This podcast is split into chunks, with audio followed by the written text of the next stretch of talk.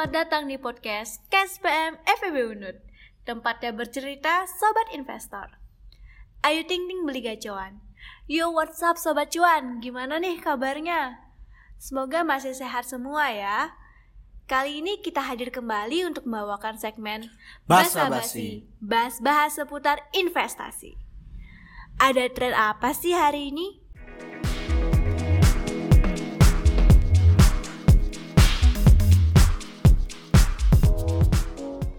Pastinya segmen ini nggak kalah seru deh untuk menemani malam minggu kalian. Waduh, cocok banget bagi kaum jomblo yang nggak punya pasangan untuk diajak malmingan.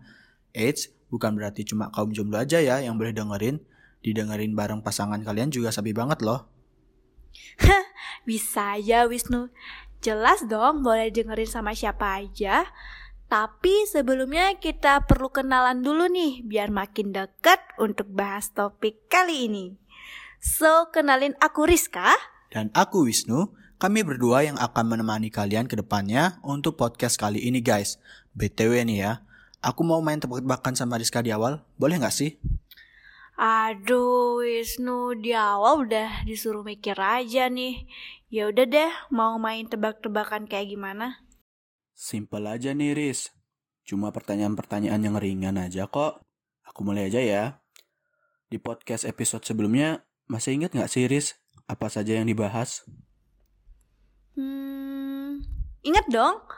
Podcast sebelumnya bahas mengenai tipe-tipe investasi dan trading saham kan?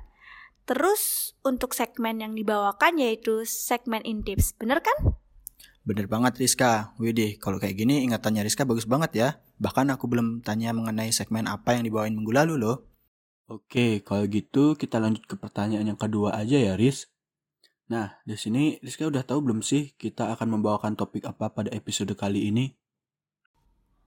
Udah dong, jadi guys podcast episode ini sesuai yang aku singgung di awal Berada di segmen basa-basi Dan topik yang akan kita bahas hari ini yaitu Bisa nggak sih mendapatkan THR dari emiten? Hmm, bisa nggak ya? Sekilas kita kupas sampai tuntas dan nggak tersisa pada podcast episode kali ini Capcus! Aku udah gak sabar banget buat spill pembahasannya nih. Teman-teman yang lagi dengerin juga udah gak sabar ya pastinya. Yuklah kita obati rasa penasaran Sobat Cuan. Hehe. Oke, kita mulai ya. Teman-teman, kalau denger kata THR itu pasti seneng banget gak sih? Kayak hawa semakin semangat itu kayak ningkat gitu. By the way, teman-teman di sini udah tahu belum apa itu THR? Well, aku jelasin aja dulu kali ya, THR itu apa. Jadi, THR itu merupakan singkatan dari tunjangan hari raya yang artinya pendapatan yang wajib dibayarkan pemberi kerja kepada pekerja menjelang hari raya keagamaan. Nah, teman-teman, hari keagamaan yang dimaksud itu contohnya seperti Hari Raya Idul Fitri, yang di mana Hari Raya Idul Fitri akan menjelang sebentar lagi nih. Pasti udah gak sabar kan nungguin THR-nya. Kemudian aku mau bahas sedikit mengenai dividen juga nih. Eh, kok tiba-tiba bahas dividen aja? Emang dividen dan THR ada hubungannya? Kalau emang ada, spill dong Wis. Ada dong Rizka. Hubungannya aku spill nantian ya setelah aku bahas mengenai pengertian dividennya deh. Jadi, dividen adalah pembagian laba untuk pemegang saham berdasarkan saham yang dimiliki. Dengan artian lain, bagian laba atau pendapatan perusahaan yang ditetapkan oleh direksi dan disahkan oleh rapat pemegang saham untuk dibagikan kepada pemegang saham. Pembayarannya diatur berdasarkan ketentuan yang berlaku pada jenis saham yang ada, Riz. Gitu ya Wis. Terus hubungannya THR dengan dividen apaan Wis? Apakah mereka memiliki secret and special relationship? Oke, jadi gini Riz. THR bisa kita sebut sebagai keuntungan yang didapat dari saham atau emiten yang kita miliki ketika hari raya tiba nih. Nah, hampir mirip kan dengan pengertian dividen tadi? Lalu ada investasi saham yang kerap kali dijadikan salah satu pilihan untuk mendapatkan THR tambahan yang berasal dari hasil jual saham atau dari dividen yang dibagikan perusahaan yang sahamnya kita miliki. Oh, oh gini ya. Jadi THR ini bisa didapat dari margin keuntungan jual beli saham dan dividen saham itu sendiri ya? Oh, iya ya benar juga. Terus gimana lagi, Wis? Nah, selain itu, perusahaan juga kerap membagikan dividen kan bagi para pemegang sahamnya dan dividen ini menjadi sebuah incaran bagi para investor apalagi perusahaan yang membagikan dividen tersebut membagikan dividen dengan nominal yang cukup besar nih Riz. Hai, ya ya ya ya benar. Nah, sobat cuan, dividen memiliki beberapa jenis loh. Yang pertama ada dividen tunai atau cash dividen. Lalu ada dividen saham atau stock dividen. Kemudian ada dividen properti atau properti dividen. Yang keempat ada dividen likuidasi atau liquidating dividen. Dan yang terakhir ada dividen script atau script dividen. Wih, banyak banget ya jenis-jenis dividen. Tapi tenang aja sobat cuan, kita bakal bahas satu-satu mengenai jenis-jenis dividen di sini. Ya wis, jelasin. Wah, udah mulai panas nih ya topik kita. Oke, aku jelasin mengenai dividen tunai dulu ya, Sobat Cuan. Dari namanya ini, dividen tunai merupakan sebuah keuntungan yang dibagikan kepada pemegang saham dalam bentuk uang tunai atau cash. Dividen tunai ini tentu memiliki kelebihannya guys. Kelebihannya yaitu dapat dirasakan manfaatnya secara langsung lantaran berbentuk tunai atau cash. Selain itu juga, dividen tunai merupakan dividen yang paling banyak digunakan oleh perusahaan loh. Sobat cuan pastinya bertanya-tanya juga kan, gimana sih cara perusahaan menggunakan dividen tunai ini? Nah, perusahaan akan memilih membagikan dividen dalam bentuk cash ataupun tunai dengan cara menyesuaikan jumlah berdasarkan besarnya saham yang dimiliki oleh investor. Kemudian uang tunai ini akan ditransfer dan disimpan tentunya pada rekening bank pemegang saham yang bersangkutan atau yang bisa kita kenal sebagai rekening dana nasabah. Well, Sobat Cuan, tadi Wisnu udah jelasin mengenai dividen tunai. Sekarang aku bakal ngejelasin mengenai dividen saham dan dividen properti. Jadi, dividen saham atau bahasa kerennya stock dividend memiliki keuntungan yang dibagikan oleh perusahaan kepada pemegang sahamnya yang dapat berupa saham sehingga pemegang saham akan mendapatkan penambahan saham sebagai bentuk pembagian keuntungan dari perusahaan yang bersangkutan. Selanjutnya mengenai dividen properti. Dividen properti merupakan jenis dividen yang dapat diberikan oleh perusahaan dalam bentuk properti atau barang. Keuntungan yang diberikan oleh perusahaan biasanya akan berbentuk properti. Hal ini biasanya dilakukan oleh sebuah perusahaan untuk menginvestasikan uangnya yang tentu saja dalam bentuk properti juga guys. Oke, jenis dividen sudah selesai nih ya Sobat Cuan kita bahas. Selanjutnya, kita akan membahas mengenai tips mencari THR dividen guys. Eh, wis, ada dua dividen lagi kayaknya belum kita bahas sampai tuntas. Gimana sih Wis? Ingat dong Wis, kan kita udah janji bakalan kupas sampai tuntas di episode kali ini. Eh iya iya Riz, aku lupa banget. Sorry sorry, tadi ada notif nih dari gebetan, jadinya nggak fokus. Hehe, maaf ya. Oke, okay, um... Ih, aneh banget sih Wis, fokus dulu dong. Heh, iya iya Riz. Well, aku langsung jelasin aja ya kalau gitu mengenai jenis dividen yang masih belum dibahas tadi. Itu ada dividen likuidasi dan dividen script kan yang belum dibahas. Oke, kita mulai saja dengan dividen likuidasi, di mana dividen likuidasi memiliki arti bahwa tidak menutup kemungkinan bahwa perusahaan akan mengalami masa yang sulit di mana ketika hal ini terjadi, sebuah perusahaan akan membagikan dividen likuidasinya ya guys.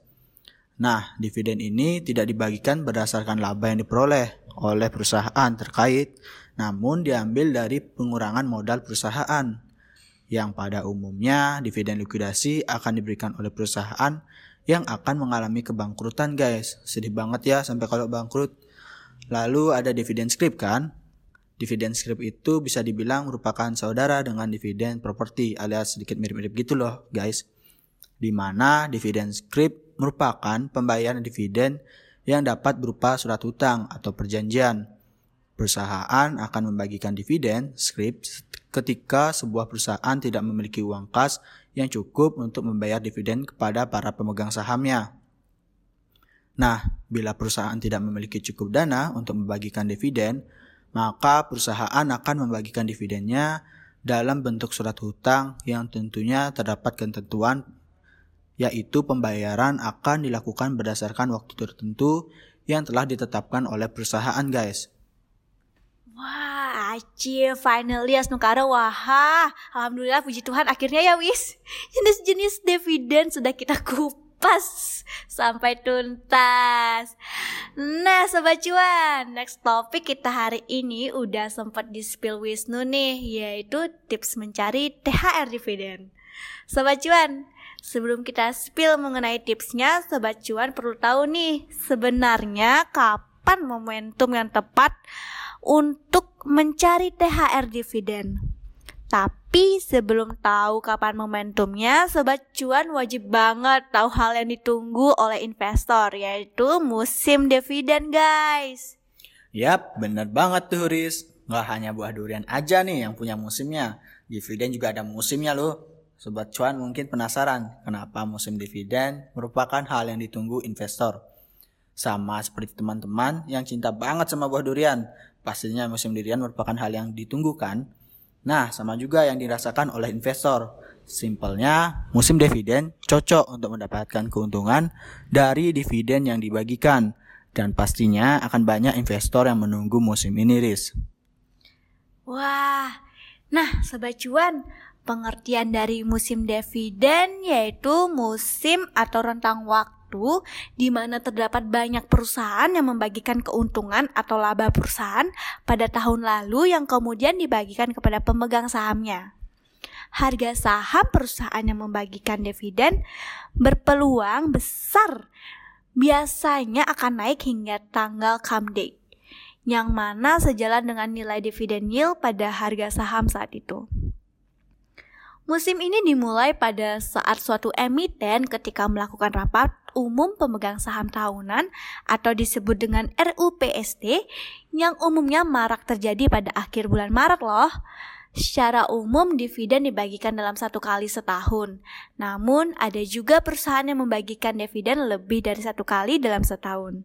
Dan hal ini biasa dikenal sebagai dividen interim guys. Dengan kata lain, musim dividen ini bertepatan kan pada saat hari Idul Fitri, sehingga dividen dapat disebut sebagai THR dari saham. Nah, kita udah ketemu nih hubungan rahasia antara dividen dan THR-nya guys. Yang saat ini terdapat belasan emiten yang akan dan juga telah melakukan pembagian THR dividen dan nilai pembagian THR bisa dikatakan cukup fantastis loh. Dan emiten yang membagikan THR dividen dapat berasal dari berbagai lini bisnis yang dimulai dari emiten dengan bidang bank hingga emiten dengan bidang consumer goods. Nah, gimana nih sobat cuan? Udah puas nih ya pasti otak kalian untuk menyerap materi. Hehe. Oke, iya, jangan lupa catat ya. Belum selesai sampai sini saja. Selain musim dividen, momentum pencarian THR dividen wajib sobat cuan tahu nih. Bukan soal wajib sih Wis, tapi aku yakin banget Sobat Cuan sudah gak sabar bahas mengenai momentumnya nih. Langsung aja yuk dibahas. Sebenarnya banyak banget loh hal yang harus dicermati oleh para investor dalam mencari dividen guys. Pencatatan dividen secara langsung serta kapan dividen akan dibayarkan oleh emiten merupakan hal yang wajib banget diperhatikan oleh para investor. Tanya itu, para investor juga harus mencermati besaran dari THR dividen yang akan dibagikan oleh suatu emiten guys. Nah, jangan sampai kita telah menunggu lama untuk mendapatkan dividen, eh tahu-tahu kita malah dapat THR dividen yang kecil. Sehingga hal tersebut akan membuat pendapatan THR dividen kurang maksimal deh jadinya. Oh iya, sebenarnya investor bisa aja loh membeli emiten dari jauh-jauh hari, bahkan bisa sebelum RUPST untuk mengantisipasi kenaikan harga saham yang menjelang come date. Eits, tapi ada tapinya nih guys, jika hal itu dilakukan, kita bisa aja malah akan merugi karena ternyata besaran dividen payout ratio yang diumumkan oleh suatu perusahaan terbilang kecil. Oleh karena itu, investor yang sebelumnya telah memiliki saham emiten justru malah menjual sahamnya karena mereka kurang puas dengan dividen yang akan didapatkan. Sehingga, waktu yang terbaik dalam membeli emiten untuk mendapatkan dividen yang bagus menurut kita yaitu dengan membeli saham emiten tersebut setelah dari hasil RUPST diumumkan nih guys. sehingga kita dapat mengetahui berapa besaran dari DER THR dividen yang akan kita dapatkan dan dapat memitigasi penurunan harga saham sehari setelah hari kamdet berlalu. Hal ini karena pada umumnya harga saham akan turun sebesar dividen yield yang diumumkan. Nah, itu dia guys, momentum dalam pencarian THR dividen. Pastinya selain momentum dan musim dividen yang pingin banget didengar oleh Sobat Cuan, kita akan memberikan tips untuk kalian Sobat Cuan yang merupakan dividen hunter. Atau kalau misalnya pasangan atau teman kalian yang dividen hunter nih. Yuk disimak. Jadi yang pertama, Sobat Cuan jangan pernah mencari saham dengan dividen yield yang tinggi. Big no banget deh guys. Alasannya karena Tren pergerakan harga saham emiten terkait yang selalu berfluktuasi menjelang pembagian dividen. Apabila tren harganya menurun akibat sentimen negatif yang sifatnya temporer, maka ini layak-layak saja untuk dibeli sih guys. Namun apabila penurunannya terjadi karena adanya perubahan fundamental yang ke arah lebih buruk, yang di mana ini merupakan kode yang jelas untuk kita hindari. Jika menggunakan waktu investasi yang cukup panjang, maka tren penurunan harga yang berlanjut hanya akan menggerus seluruh capital gain yang dimiliki. Yang kedua, Sobat Cuan harus melihat bagaimana cash dividend payout ratio atau DPR-nya. Hal ini adalah rasio yang menunjukkan bagaimana persentase setiap keuntungan yang diperoleh dan diberikan kepada pemegang saham dalam bentuk uang tunai. Sobat cuan juga dapat mengartikan besaran persentase laba bersih setelah pajak yang dibagikan sebagai dividen pemegang saham. Lalu, tips terakhir, perhatiin nih tanggal ataupun jadwal pembagian dividen saham dari emiten yang diminati. Misalnya, seperti kapan emiten akan melakukan come date dan ex date. Nah, Sobat Cuan jangan sampai baru membeli saham dari emiten yang akan membagikan dividen pada tanggal X date atau come date-nya ya. Karena di tanggal tersebut kita nggak akan tercatat sebagai pihak yang memiliki hak untuk mendapatkan dividennya. Jadi, Sobat Cuan benar-benar harus perhatiin tanggalnya ya. Wow, udah di akhir podcast saja nih kita wis. Setelah Sobat Cuan catat dan simak dengan baik, jangan lupa dipelajari ulang lagi ya guys. Semoga pembahasan kita tadi benar-benar insightful dan bisa bermanfaat buat Sobat Cuan ya. Terutama untuk dividen hunter nih. Sobat Cuan, jangan lupa terus untuk pantengin podcast KSPM FEB Unut yang pastinya akan selalu memberikan informasi mengenai investasi di pasar modal loh. Sobat Cuan, bisa banget untuk request materi podcast untuk episode selanjutnya kok. Langsung aja DM kita di Instagram atau bisa chat melalui official line yang sudah tertera di bio Instagram KSPM FEB Unut. Bakalan dibahas kok guys. Lalu, untuk sobat cuan nih yang masih bingung mau buka rekening efek di mana? Jangan khawatir ya, kalian bisa langsung datang ke Galeri Investasi KSPM FEB Unut di kampus Sudirman setiap hari Jumat atau mungkin mau tanya-tanya dulu sama admin yang kece di Instagram ke @kspmfebunut. So, kita tunggu loh kehadiran dari sang milenial investor baru. Sampai jumpa di episode berikutnya. Salam cuan.